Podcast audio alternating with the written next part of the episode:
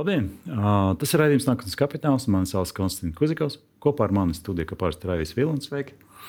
Nākotnes kapitāls tas ir raidījums, kur mēs tikai runājam par to, kā investēt. Bet tas ir raidījums, kur mēs arī paši ar Raivi investējam. Un katru mēnesi, mēneša beigās, mēs atskaitāmies par to, kā mums veicas. Un tieši šodien ir tas raidījums, kur mēs parādīsim, kuram no mums ir kam no mums veicas labāk ar uh, investīcijiem. Bet uh, mūsu skatījumā gribu atgādināt par to, kāda bija mūsu investīciju mērķi. Sāksim ar to, ka šis projekts būs ļoti garš. Mēs orientējamies desmit gadiem. Mēs sākam no 21. gada, jau tagad ir 23. gads. Es konkrēti sāku investēt 21. gada otrajā pusē, Raivis pievienojas par pusgadu vēlāk.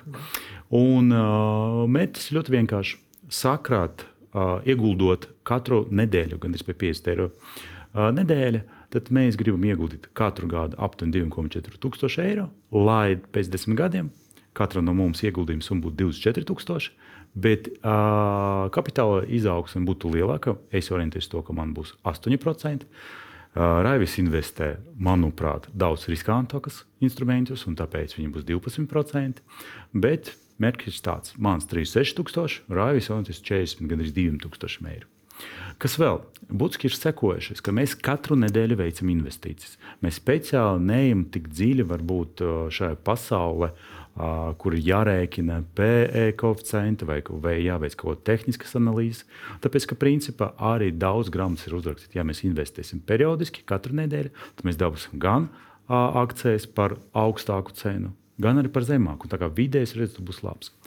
Mēs veicam arī līdzvērtīgu diversifikāciju. Ko tas nozīmē? Tas nozīmē, ka mēs mēģinām sadalīt visus savus ieguldījumus proporcionāli starp visiem vai akcijiem vai, vai investīcijas instrumentiem. Nu, un vēl kas ir būtiskāk, mēs nemēģinām pirkt ļoti daudz dažādu aktīvu. Aptuveni līdz 20, lai mēs vispār varētu sekot, kas tur notiek. Nu tā, kā tas veicas ar manu portfeli? Es gribu atgādināt visiem mūsu skatītājiem par to, ka es investēju tikai faktiski SP 500 uh, akcijas un ETF-os, un, un principā tas ir uh, pasaulē ļoti pazīstami uzņēmumi.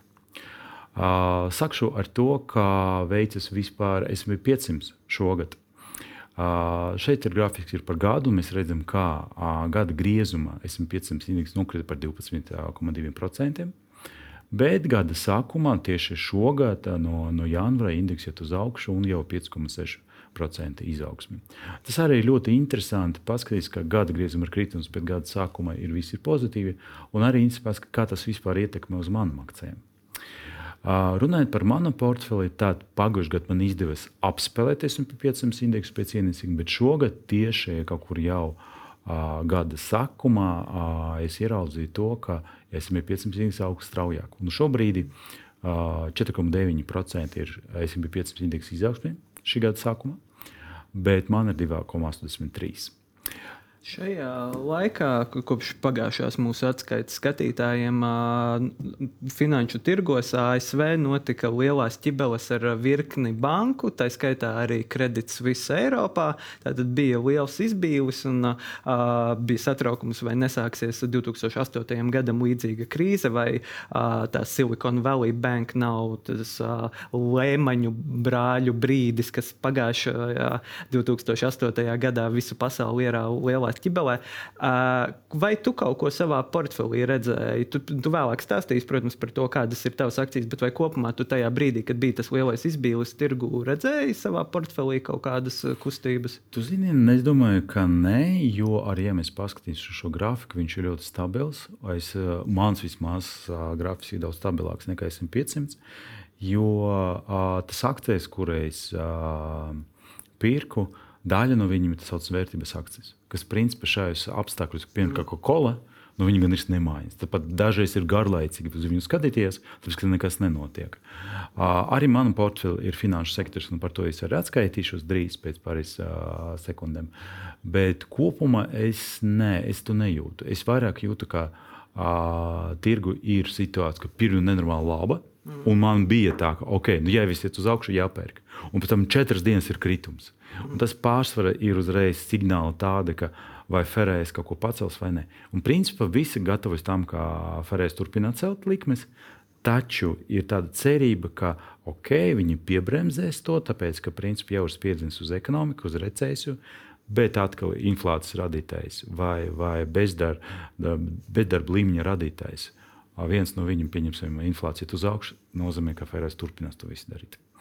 Starp citu, vēl vispār ir tāda teorija, ka uh, Ferēsim ir jābūt vēl daudz agresīvākam. Ja mēs gribam apturēt inflāciju, kas ir 10%, likme jābūt 20%, tad tas viss. Un tāpēc arī es domāju, ka vēsturē šīs periods uh, ienāks ar, arī ar frāzi, ka Ferēs bija pārāk lēns. Bet ko tas nozīmē, ja likmes izaugs tik strauji? Un tas būs tiešām recesija. Un tāpēc tas ir ļoti grūti sabalansēt to recesiju, mm -hmm. potenciālu un sabalansēt to inflāciju, kas tagad jau ir. Nu, Atgriežoties pie mana portfeļa, kas vēl labākā lieta ir tāda, ka puse no akcijiem jau ir, ir tāda saucama zaļa zona, kas nozīmē, ka viņi nes man kaut kādu labumu. Bet šīs tops absolūti nav mainījies. Jā, absolūti. Jo, teiksim, Shell vairākus mēnešus bija tāds, ka viens no vadošiem, un pat tad, kad gan ir visas akcijas bija sarkana zona, Shell tomēr bija zaļa zona. Tā, tā kaut kāds pēdējā laika nenormāls kritums. Un arī interesanti lieta, ka nes to, ka SP 500 aug, tas, tas, tas ETF VUSA, kas šajā gadījumā kopē uh, to SP 500. Viņš īstenībā man ģenerē mīnus un mīnus. Un tas ir liels. Tas saistīts ar komisijām, ka viņi tur iekšā ir iekļauti, un tas ir pārāk dārgi. Iespējams, ka kaut, kaut kas cits, bet es ļoti domāju par to, vai man vispār ir vērts investēt tieši tagad ETF. Tāpēc, ka ETF ir labi, manuprāt, tad, kad tirgus iet uz augšu, tad tu vari mierīgi tur zināt, ka faktiski arī ETF nospēlēs labi. Bet konkrēti par Dāmas Ametefu es neesmu ļoti apmierināts. Un kopumā investīcijas šobrīd bija 3950 eiro. Bet mans portfels ir 300,640, kas nozīmē, ka mīnus 6,58%. Tas ir drusciņš labāk nekā bija pirms mēneša, kad bija mīnus 6,7%. Kas vēl? Ja mēs skatāmies uz segmentiem, tehnoloģiju segments un retails iet uz augšu, bet tas ir faktiski mēs vairāk skatāmies to, kā uz to ietekmē gads, mm -hmm. tieši 23. Interesanti lieta, tehnoloģijas pagājušajā gadā bija ļoti zemās. Ja? Pat es jau domāju, vai janvārī man turpināt pirkt Google vai nē, jo tas Microsoft ar to ChatGPT, ka tūlīt viņi apspēlēs, pievienos pie Binga un tā tālāk. Bet interesanti lieta, ka Google tomēr ļoti labi rāda. Bet vispārējie segmenti, jau mēs redzam, tā lielākā daļa mēdīja, pārtika, finanšu sektora, enerģētika, kas vispār bija viens no tādiem galvenajiem dzinējiem mana portfeļa, vai visi iet uz leju salīdzinājumā to, kas bija pirms mēneša. Un tagad drusku paskatīsimies sīkāk, kas un ko.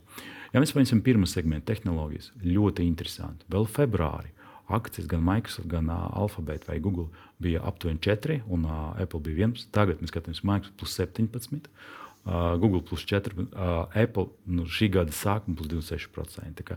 Īstenībā Apple ir uh, tik dārgs, ka es jau par nu, 21. gadu neredzu, ka mm. viņš būtu tik dārgs. Ejam tālāk, skatāmies to, kas notiek uh, mazumtirdzniecībā. Arī, teiksim, ja vēl februārī abi bija negatīvi, tad mēs šeit redzam par to, ka gan Walmart parādīja no šī gada sākuma uh, pozitīvu ienesīgumu, Un arī uh, Procter Gamble samazinās no minus 8 līdz 2,84. Tieši bija dati, ka amerikāņu pirkts pārliecība, patērētāja pārliecība ir pārsteidzoši uh, lielāka. Bija tieši publikācija pirms manuprāt, pāris dienām. Un tas ir ļoti interesanti. Ko tas nozīmē? Tas nozīmē, ka Ferēs likte dara savu darbu, kas nozīmē, ka inflācija turpinās, un tas nozīmē, ka a, tas labas ziņas kļūst par vienlaicīgi priekš tirgu par sliktām ziņām. Jā. Bet priekš ekonomikas tas ir ļoti labi, ka cilvēki joprojām augsts inflācijas laikā ir ļoti Uh, nu, liela optimista par nākotnē. Es domāju, ka arī šeit Latvijā mēs kļūsim lielāki optimisti. Šodien mums ir pelēka diena, bet es domāju, ka ar sauli arī mūsu pirktspēja palielināsies. Bet ejam tālāk. Uh, mediju segments, kur ir New York Times un the, Walt Disney Company. Interesanti lieta, New York Times vispār bija viens no tādiem labākiem radītājiem šogad. Turpinās no plus 20 no gada sākuma, tagad plus 17 arī uh, Walt Disney arī principā turās. Bet īstenībā tas neatspoguļojas. Tas ir labi, ka no šī gada sākuma ir izaugsme. Bet līdz ar to, ka es akcijas pirku jau vairāk mm. nekā pusotru gadu, tā jau divus gadus, tad attiecīgi tas baigi man nepalīdz palielināt uh, ienesību tieši šajos segmentos. Tālāk uh, pārtika segmenti, kas viņu saucu. Uh, ļoti labi bija gada sākuma, vēl februārī. Demazaika kampaņa, tas ir vienīgais uzņēmums. Tas arī vēl viens interesants piemērs. Pagājušajā gadā sākas karš, kur jāinvestē lauksaimniecības uzņēmums. Tāpēc, ka Ukraina, Krievija, tas, tas, tas, tas būs problēmas, un viņi viena no piegādes lielākajām piegādēm. Ok, atradu amerikāņu kompāniju, neko tādu nezinu. Skatos, liela pērku. un mokus visu šo, visu šo laiku. Kas, kas vēlējas aplinkt tikai vienu lietu. Ja jūs nezināt šo biznesu, ja jūs nepazīstat šo biznesu, tad principā labāk neinvestēt tā. Ja mēs paskatāmies, ir, ka cipari ir tik labi, bet joprojām es zaudēju naudu. Jau februārī tas bija minus 10, 11 eiro, bet bija ļoti labs izaugsme 29%. Tad jau mārta minus 44 eiro. Mhm. Es gribu pateikt par to, ka portfelis man vispār ir pāri 100 eiro tikai mīnusā. Un, un tas, tas, tas svārstības ir ļoti, ļoti, ļoti liels. McDonald's tieši otrādi - stabils, garlaicīgs. No 1,72 tagad plus uh, 5,38. Nu, jā, teiksim, tas, tas mans ienesīgums nav tik liels, tas ir 1,93 eiro, bet tomēr tas ir pozitīvi. Plus vēl Coca-Cola, kas, kas uh, vēl februārī bija lielāks, minus, minus 5, gandrīz tagad minus 3. Bet es, tas ir viens no tādiem stabilākiem, stabilākiem uzņēmumiem. Uh, ja mēs paskatāmies uz finanšu, tieši tas, kas ir notika, mm. interesanta lieta. Vai kā ietekmē finanšu, uh, vispār tas, tas banku krīzes, kas ir, krīze, kas ir Amerika. Uh, Sāksim ar to, ka februārī vēl bija JP Morgan pozitīvs, uh, bet tagad viņš ir negatīvs. No plus 1 viņš aizgūs minus 4,4%. Un vēl kas ir būtiskāk, mans teiksim, te tēriņi šajā segmentā, konkrēti JP Morgan dēļ, aizgāja līdz minus 48. Bet vīza nekas nemaiņas, un principā vīza ir vairāk biznesa, kas saistīts ar turismu un ar uh, mazumtirdzniecības kreditēšanu. Tā kā vieta uz augšu pietiekami ir labi. Uh, tas ir viss interesanti. Tā, ir enerģētika. Paskaties uz to, kā Shell no plus 14 aizgāja uz plus 1,3. Shell vairākus vairākus mēnešus, pat gadu bija man pozitīvs, un tagad viņš ir negatīvs. Arī Next Energy no minus 7 uz minus 8,5. Bet Neks enerģija, līdz ar to, ka tas ir zaļas enerģētikas, enerģētikas ražotājs, viņš principā ļoti labi perfumē tieši vasaras periodā. Mm. Nu, pēdējais, kas man tāds ir ļoti interesants, tas ir uh, ETF. Jo man bija tā, ka ETF būs tas, kas stabila un, un drošības osta, bet tieši otrādi ja mēs paskatīsim uz to uh, vanguardu, no minus 5 plus 4, bet man īstenībā tas nekad neietekmē. Jo, ja man bija minus 27, tad tā arī palika. Un tāpēc es domāju, ka tur problēma ir tāda, ka viena lieta ir ienesīgums, bet otra lieta vēl ir komisija par to ETF apkalpošanu. Un tāpēc iespējams, ka tas viens ar otru. Berkshire Hathaway, uh, diemžēl, mīnusā bija vēl netik sen plus, un viņš arī tiek uzskatīts par vienu no stabilākiem uzņēmumi pēdējā laikā.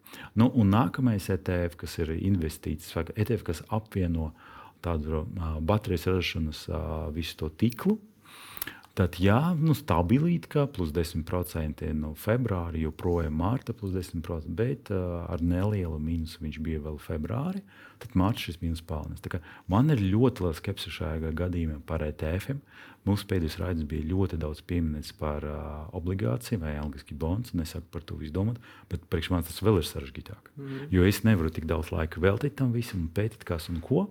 Un tāpēc es domāju, ka iespējams, ka man drusku vajag piebremzēt tieši ar investīciju ETF-us un tad vairāk iet uz uh, akcijiem, tāpēc ka vismaz tā ir segmenta, es redzu, ka tur ir ļoti pozitīvi.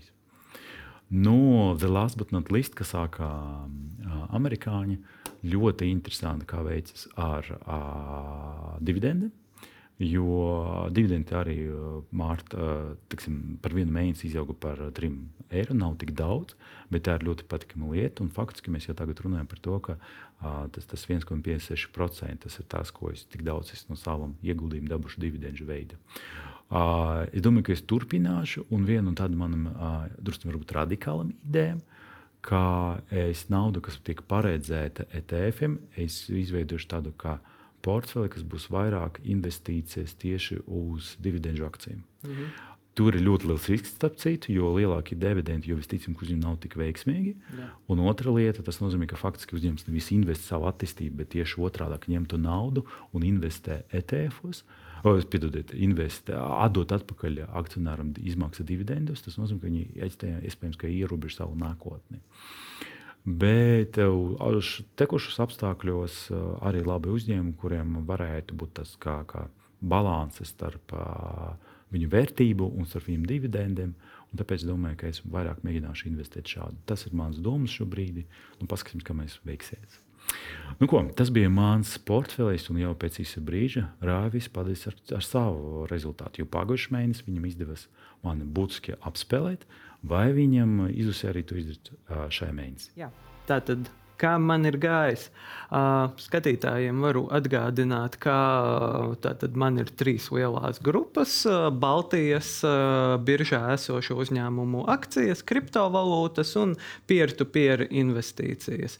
Un tad uh, par katru mazliet sīkāk un to kopsumu arī tad, uh, parunāsim pašā beigās. Tātad, uh, runājot par Baltiju, tātad šis ir uh, Baltijas Nasdaq galvenais indeks, kas apkopo lielākos, tirgotākos uzņēmumus Baltijā. Un šeit mēs varam redzēt, ka mēneša laikā nu, ir tas kritums par 2,85%. Līkne skatītājiem izskatās diezgan asa un diezgan strauji kritusies, bet nu, principā tie ir tikai nepilni 3%. Un tas ir arī šis uh, mēneša sākums, šis brīdis, kad bija nu, tās bažas, vai nesāksies jaunā finanšu krīze. Tad tur acīm redzami kaut kāda daļa investoru no kaut kādiem uzņēmumiem, visticamāk, arī no šī banku sektora, arī kaut kāda nauda aizplūda ārā nedaudz. Bet nu, kopumā tā, tiešām tie ir 3%. Tas nav tik liels kritums no mēneša sākuma. Zini, bet man joprojām tas neprot tas fakts, ka mēs jau vairāk nekā divus gadus runājam par investīciju un priecamies par to, ka mēs nokritam tik zemu. tā kā, tā kā mēs spēlējamies nevis cik strauji mēs izaugsim, bet cik lēni mēs nokritīsim. Jā, nu, tad tā, tāda ir dzīve. Nu, tāpēc, kā tu sāk, redzējuma sākumā teici, ilgs projekts, desmit Jā, gadi. Un uh, viena lieta, ko ir jāpiemina, arī ir tas, ka mēs uh, kopumā ļoti maz ko pārdodam no sava portfeļa. Tas ir svarīgs uh, aspekts, jo principā šajā periodā, manuprāt, tu esi tikai Tinkoff banku atbrīvojis. Man bija vēl Accenture. Zini, es arī ilgi domāju par to, varbūt vai man vajag šo turēt vai nevajag šo turēt, mm. bet man vienmēr ir ierobežots tas fakts. Es redzu grafiku. Grafikam bija ļoti labi, ka pirmā gada varēja akcijas izaugt līdz 20 un nokrist līdz 20. Bet pēc tam, jo, turā, jo ilgāk tu viņu turi, jo vai, pirmkārt pēc pieciem gadiem ļoti maz varbūt, ka viņi būs negatīvi. Mm. Un tas nozīmē, ka jebkādu akciju, ko es pērku, pēc pieciem gadiem viņi būs pozitīvi. Līdz ar to, ka es neoperēju ar ierobežotu naudas daudzumu, un to arī, ka mēs visu laiku papildinām, ka mēs mm vienkārši vienojamies, ka okay, no mūsu ienākumiem tik daudz aizies, kas, manuprāt, ir normāla praksa. Tad mums nav steigas to pārdot atšķirība teiksim, no kādiem citiem uh, cilvēkiem, kas, kas, kas uh, savu publisku portfeli rāda ar pārdošanu un pirkumiem. Un, un, un tāpēc vienkārši jāsagaida to momentu, kas man nepatīk. Tā visa ka, ok, es vairs šīs akcijas negribu investēt, man vajag viņu turēt. Un viņi vienkārši tā kā balans ar savu negatīvu, un tas ir psiholoģiski ļoti grūti, ka jā. viņi krīt. Tā jā, jā, bet nu, jā, tas ir uh, svarīgs uh, moments, jo tiešām uh, bieži vien citur, kur parādās kādi šādi līdzīgi projekti un stāsti, tur cilvēki aktīvāk tirgojas. Mm. Bet nu, mums principā tas koncepts ir šie desmit gadi, un mēs plus mīnus cenšamies pieturēties. Tas nenozīmē, ka mēs nevaram kaut ko pārdot, un kaut kādā brīdī iespējams arī es atbrīvošos no kādas no savām kriptovalūtām kriptovalūtām, par ko mēs vēlāk parunāsim. Bet tev arī piemērs ar, teiksim, ar to New York Times. Mm. Pēc vairākiem mēnešiem man bija uzreiz bija jāpārdod. Bet pēkšņi šis gads ir ļoti labs. Bija dru, viņi bija pat bija zaļa segmenta, un drusku tagad ir nokrīt. Tā kā ilgtermiņa tā stratēģija, jo ilgāk tu turēsi, bet mm. ir jāsaprot, ko tu turēsi. Protams, ja tas ir labs zīmols. Protams. Tad tas būs uh, veiksmīgs. Nu, okay, tad, uh, kā ir gājis man? Uh, kopumā sliktāk nekā pagājušajā mēnesī. Pagājušajā mēnesī man bija uh, sarkans tikai Madara. Jā, es atceros. Jā, tas uh, bija ļoti labi. Man pat patiesībā šķiet, ka divus mēnešus pēc kārtas bija tā, ka sarkanā tātad negatīvs ir tikai Madara. Šeit ir drusku vairāk. Uh, šeit mēs varam redzēt, tātad Madara, kas ir patēr, patēriņa preces, kas arī iespējams visvairāk cieši no tā, ka cilvēkiem ir mazāk lieko līdzekļu līdzekļu, ko patērēt, ko iztērēt kosmētikā un tā tālāk. Turpina performēt salīdzinoši nepārāk labi. Nu, 10% kritums tas nav maz, bet es vēl aizvien ceru, ka būs labi. Tad tālāk mēs varam redzēt, ka šauļu bankas ir neliels 0,49% kritums. Tas gan ir saistīts ar mūsu konstanto investīciju stratēģiju, jo es tieši nu, nesen papildināju savu akciju daudzumu, un es papildināju brīdī pirms bija neliels kritums tirgu. Tad, attiecīgi, šeit tas at, atspēlējās man. Ja es nebūtu šajā brīdī nopircis, bet būtu nopircis pāris dienas vēlāk, tad es būtu zaļā. Jā, kas būtu, ja kas būtu. Tieši tā. Bet vai tu nedomā, ka šajā gadījumā, ja jūs skatāties, tev tie kritumi vai pieaugumi nav tik lieli? Mm. Un iespējams, ar Madras kalspēju ka tieši otrādi vajag piepirkt klāt. Tāpēc, ka tas 10%, mm. jo ir tāds pat kā kurais noteikums, es lasu par to, tik līdz ir zem 6, 8%, tad ir jāpērk, tāpēc, ka ja būs izaugsmē, tad attiecīgi vidē cena būs mazāka. Jā, es nesen arī esmu papildinājis Madaru, un es domāju, ka es turpināšu to, jo šis man kopumā portfelī pēdējos mēnešos ir tas periods, kad es papildinu mm. Baltijas uzņēmumu akcijas.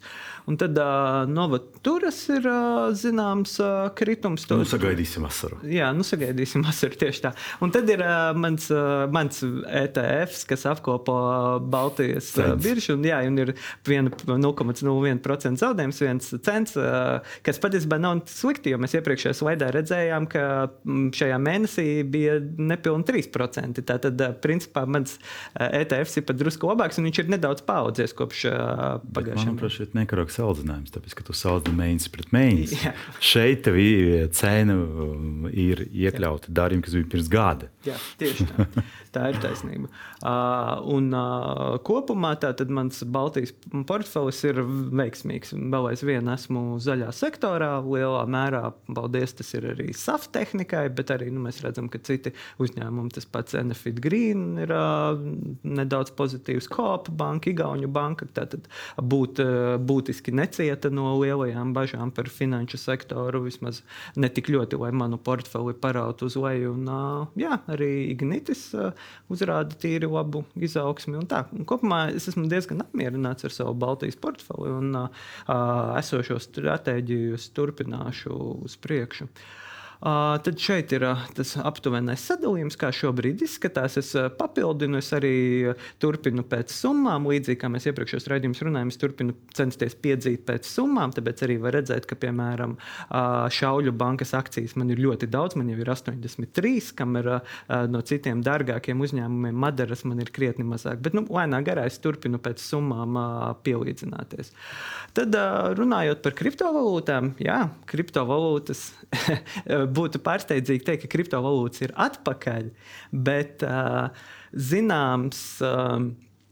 Atbalsts kriptovalūtām šajā mēnesī bija. Un, uh, divi galvenie faktori, ko min gan ārzemju eksperti, gan arī mūsu pirms pāris raidījumiem, mūsu viesņa uh, runāja par to. Viens ir tas, ka uh, periodā, kad uh, šīs amerikāņu bankas un arī Eiropas bankas sāka brukt, uh, nespēja nosekt savus maksājumus, cieta uh, bankrotu. Uh, daļa cilvēku atgriezās pie bitkoina kā pie šīs alternatīvas. Jo, nu, uh, lai gan uh, kriptovalūtas ir ļoti mainījušās, ko tas nozīmē un kāda no tām ir jēga, vien, uh, ir daļa cilvēku, kuri vēl aizvien pie bitkoina un pie citām turās ar domu, ka tas ir kaut kas nost, stabils, no, stabils, kaut kas nost no uh, starptautiskā finanšu tirgiem, kaut kas prom no nestabilitātes, kaut kas, ko uh, nevar ietekmēt. Uh, piemēram, centrālo nu, banku. Mana pozīcija ir joprojām ļoti skeptiska par to Jā. visu, tāpēc ka tas ir nekas. Tas, tas, manuprāt, tas ir joprojām kā tulpes. Kaut kā tāda 18. gadsimta Holandē. Tāpēc, ka daži cilvēki, labi, viņi tūkstošiem, desmitiem tūkstošiem vienojas, ka tā ir vērtība, bet uh, reāla ekonomika tas nepiedalās. Bet ko es nesen lasīju, ka pēc vienas biržas tagad ASV cīnās ar otru, to lielāko mm -hmm. Bainēns biržu.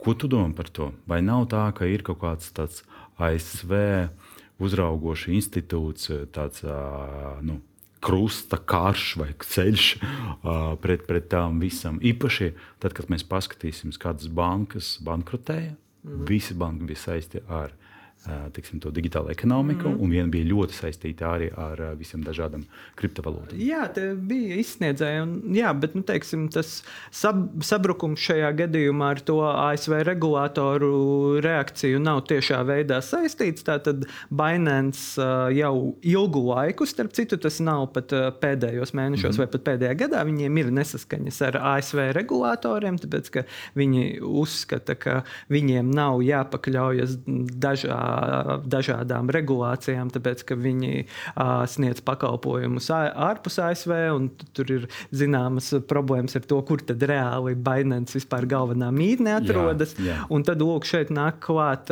šis aspekts, ka tagad, kad ir regulators pievērsis uzmanību, Binance nāk klajā tas, cik lielā mērā Binance ir saistīts ar Ķīnu un attiecīgi mm -hmm. Amerikas šobrīd lielāko sāncensiju vismaz ekonomiskajā sfērā. Mēs zinām, ka ASV šobrīd arī ļoti aktīvi domā, ko darīt ar TikToku, kurš jā, arī jā, ir jā. cieši saistīts ar Ķīnu, tātad komunistisko partiju šajā valstī un valdību. Un attiecīgi tur ir zināmas tādas saistības, bet kas ir interesanti, ir tas, ka neskatoties uz to, ka visas šīs lietas uzpeldēja, ka regulators pārmeta, tajā dienā bitkoins paaugās tik un tā. Uh, tur ir jā, iespējams, ka bitkoin vienam ir labi. Jā, jā, jā. Un tieši tā. Un, uh, izskatās, ka kopumā, vismaz pagaidām, uh, lietotājus kriptovalūtu nebaida šis, uh, tas, ka Binance varētu potenciāli uh, iegūt liegumu strādāt ASV vai kaut ko tādu. Jo, nu, kriptovalūtas, sevišķi tāds kā bitkoins un citas neatkarīgas, viņas nav cieši saistītas ar šo Jā. vienu biržu. Viņi aizliek šo vienu biržu. Cilvēki Vēl izmantos vairāk. citas uh, biržas, uh, izmantos citus pakalpojumus. Tā ir viena no tām lietām, ko mūsu viesiņi arī stāstīja. Ir, nu, tas ir viens no tiem spēkiem. Ka, jā, nu, ka, ka principā aizliegt kriptovalūtas pilnībā kā tādas būtu ļoti grūti vai te jau neiespējami, sevišķi demokrātiskajā pasaulē. Uh, var aizliegt kriptovalūtu rakšanu, var aizliegt, ierobežot kaut kādā ziņā šīs biržas, bet, teiksim, atkal kaut kādu to darbības starp cilvēkiem, apmaiņus, to īsti ierobežot būtu ļoti, ļoti grūti.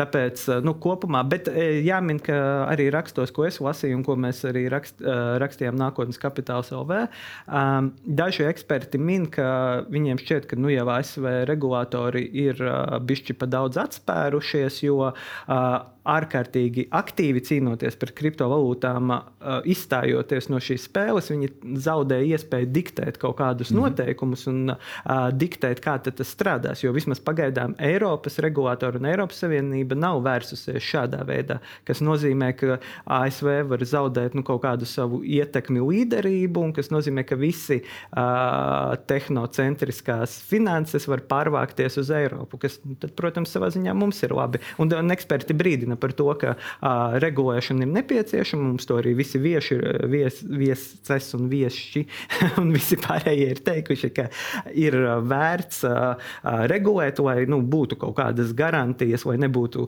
mežonīgie rietumi, jo, kā mēs dzirdējām saistībā ar iepriekšējo lielo kriptovalūtu biržu FTX, mm. tur principā šī nauda tika izsaimniekota, Jā. izdāļāta pa labi, pa kreisi, tā, tāpēc, ka nebija šo ierobežojumu nebija šīs pārbaudes, bet uh, kaut kādā atkal pārāk stipra spiešana var uh, likt ASV zaudēt uh, savu līderību. Tāpēc arī iespējams, ka varbūt būs kaut, kaut kāda atkāpšanās, vai arī nu, pat ja Bainēns aizies no turienes, tur tiešām būs citi pakalpojumu sniedzēji. Vēl aizvien ir.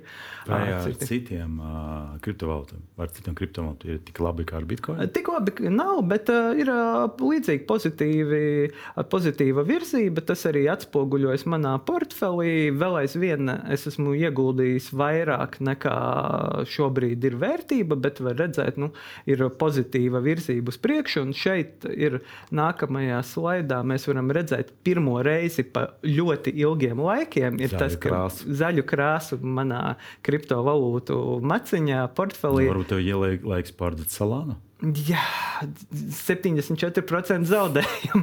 Nav... Negribu zaudēt, gribu, ka es paturēsim līdz nu, labākiem laikiem. Es, nē, nu es uh, ceru, ka uh, tajā brīdī, kad bitkoins ir vēl tikai nu, salīdzinoši 27, 28 tūkstoši dolāru par vienu monētu, tas nav nekas. Ja mēs vērojam pret mm. iepriekšējām cenām, tad augstākais punkts bija tuvu pie 80 tūkstošiem. Tad uh, man ir cerība, varbūt naiva, varbūt netik naiva, bitkoins ceļoties, pavilks līdzi visu pārējo. Jo mēs redzam, ka ēterums tūlīt šķērsos.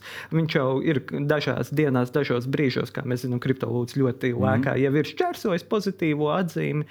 Es domāju, ka varbūt kaut kad pēc kāda brīdiņa, ja nebūs atkal lieli kritumi kriptovalūtu tirgos, tad arī ēterums jau būs pozitīvajā. Tad iespējams es apsvērt iespēju atbrīvoties no Solanas pie 50% zaudējumu. Varbūt 74 šobrīd ir ļoti sāpīgi.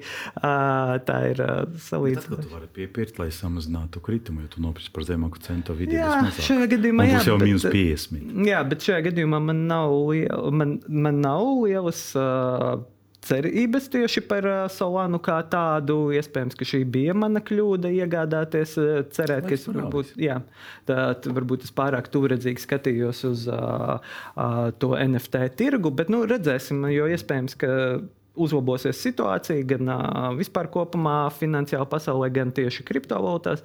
Un vispār blokķēdes tehnoloģijas varbūt atkal NFT kļūs interesantāks. Mm. Tur būs daži, dažādi jaunie pakalpojumi, e-parakstam līdzīgās vietas, tur nu, visādi voucheri. To radošu nākotnē runāsim nu, nākotnē. Nu, tieši tā, bet, bet kas ar reālam, reālam investīcijām? Jā. Kas ir tālāk ar, ar peer-to-peer? Peer-to-peer, jā, nu ar peer-to-peer. -peer Kā es pagājušajā raidījumā jau stāstīju, tur ir zināmas problēmas. Kapitāli ir stabili, tur viss notiek.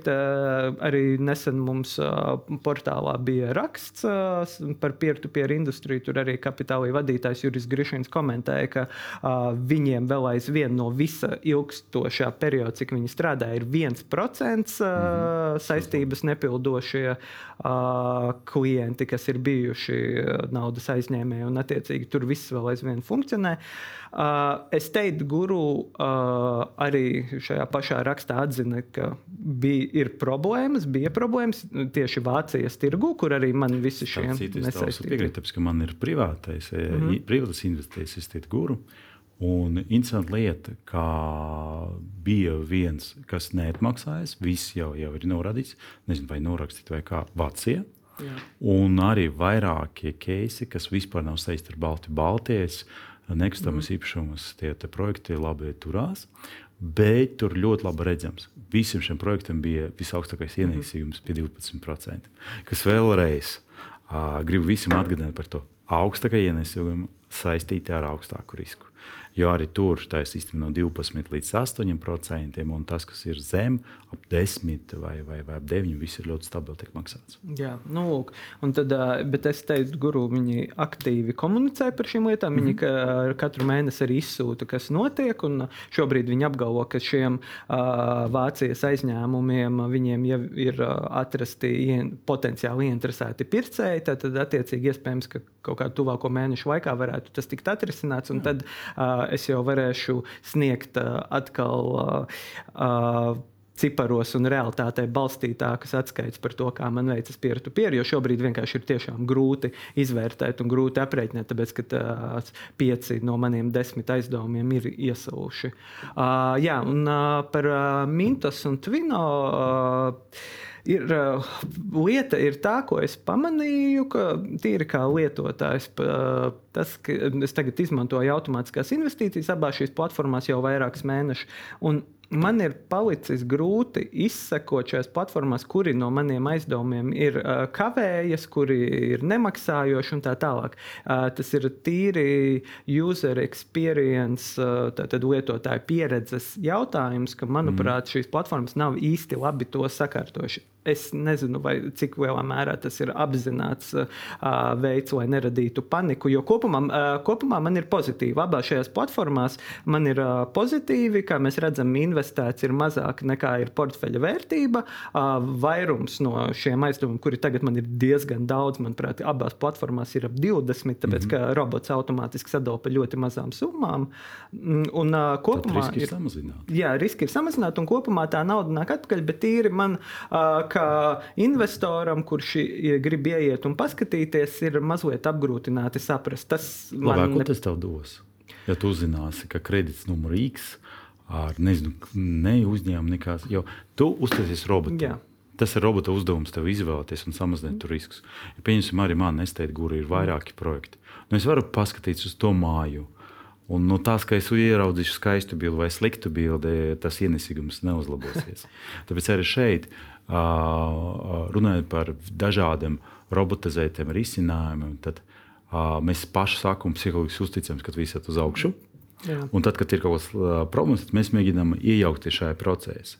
Bet kā mēs arī ar tevi runājam, tev bija cik tev desmit uh, projekti, mm -hmm. un pusi pateicis tām, ka cilvēkam Jā. izvēlēm ir, ir negatīvi. Man vairāki, bet man tas tikai 5%, kas ir pat tikai viens ir, ir, ir kas neatmaksā, bet vispārējiem ir nokavēti. Mm -hmm. Bet tik un tā tas atmaksas nāks. Tāpēc es nedomāju, ka, ja, ja mēs izvēlamies tos robotizētus risinājumus, tad tiem ir jāuzticas. Varbūt, protams, grib, nu, man pašam gribētos redzēt, varbūt tas, protams, saistīts, ja es būtu pilnīgi privāta persona, varbūt tāpēc, ka es par to rakstu un arī gatavoju raidījumam atskaites, mm. lai skatītājs zinātu, kā mums iet, varbūt tā, tā citādāk būtu, ja es no malas skatos, bet man gribētos labāk redzēt, lai es arī varbūt varētu pieņemt lēmumu pārdot. Nu, es vienkārši gribu atbrīvoties. Jā, tas ir emocionāls lēmums un tā tālāk, bet uh, Nu, jā, grūti pateikt, bet jā, tas ir viens tāds mazs uh, nieks, kas manī mazliet. Cik ir man... procentuāli tur tādi riskanti tagad uh, projekti? Nu, jā, nu, Twino tā tad uh, šeit var redzēt, ir četri, kas kavējas, viens, kas ir uh, bijis. Nu, kāds, kopumā, kāds ir kopīgais skaits? Uh, apmēram ap 20. Tā, tā tad viena ceturta daļa. Viena ceturtā daļa, jā, un uh, Mintosā man ir uh, grūti bijis līdz galam saprast, jo tu vienā vietā, kur var redzēt, kur ir viss kavējušies, tur uzrāda visus manus aizdevumus izdevumus līdz šim. Varbūt es neesmu atkodis kaut mm -hmm. kādu to platformu, bet tur man uzrāda 166, kas ir visā manā platformas izmantošanas laikā, kas ir jau atmaksāti un tā tālāk. Un tur uzrādās uh, uh, virkne aizdevumu, kur ir kavējušies un tā tālāk, bet tie, manuprāt, neskaitās, tāpēc ka atkal tajā portfeļa izrakstā izskatās, ka ir krietni mazāk tādi, kur kavēs. Tāpēc es līdz galam īsti nesaprotu. Tas ir mans. Es domāju, ka nākamreiz, kad tā, mūsu studija būs mīnus un vīnu nestiguru pārstāvi, tad varēsim arī par to parunāt. Jā, bet nu, es, es teiktu, guru es nevaru pārmest. Tur komunikācija ļoti skaidra. Viņi apzinās savu problēmu. Viņi ļoti uh, labi komunicē to, ka, kāda situācija notiek. Tur pārmetumu nav. Uh, Jā, nu tas ir kopumā. Un tad kā man ir līdz galam veicies, kurš tad ir no mums veiksmīgākais investors? Atkal tu. Tas Bet atkal, tev ir tur daļa, ir, ir ar saistītu guru. Jā ar guru portfeli, kas vēl nav skaidrs. Bet, jebkurā gadījumā, ir skaidra situācija, ka Baltijas tirgus perfumi ir labāk nekā SP 500. Mm -hmm. Stabili turās ienesīgums pie peer-to-peer platformām, bet jau sākas kaut kādas tādas aizkavēšanas, nelielas. Jā, jā. Bet, bet, bet atkal, varbūt uh, tieši otrādi tas tagad ir jāinvestē vairāk projektus, lai samazinātu to risku. Laiks parādīs. Uh, Bet uh, kopumā ir jāatzīst, ka tavs portfels tagad perfumē labāk par mani. Vai tas arī turpinās nākotnē, vai pēc gada, vai pēc diviem, kad arī SP 500 indeksies uz augšu, par to mēs runāsim domāju, pēc pāris gadiem. Bet mums skatījumā gribu atgādināt par to, ka šis raidījums iznāk katru nedēļu, un arī drīz iznāks jau nākamais raidījums, kur mums būs studija viesis. Uh, bet jūs varat paskatīties šo raidījumu gan uh, Delfi TV platformā, gan arī sociālos tīklus pie Delfi uh, profila. Bet mēs turpināsim atskaites par savām portfeļiem arī rakstiskā veidā, portālā nākotnes kapitāls.cl. Ja jums ir kāds jautājums vai kāda ideja, ko, ko mums vajag aicināt šai studijai, vai par ko mums ir vērts parunāt, tad noteikti rakstiet uz nākotnes kapitāls etdelfi.cl. Paldies un tiekamies jau pēc nedēļas. Visu labu!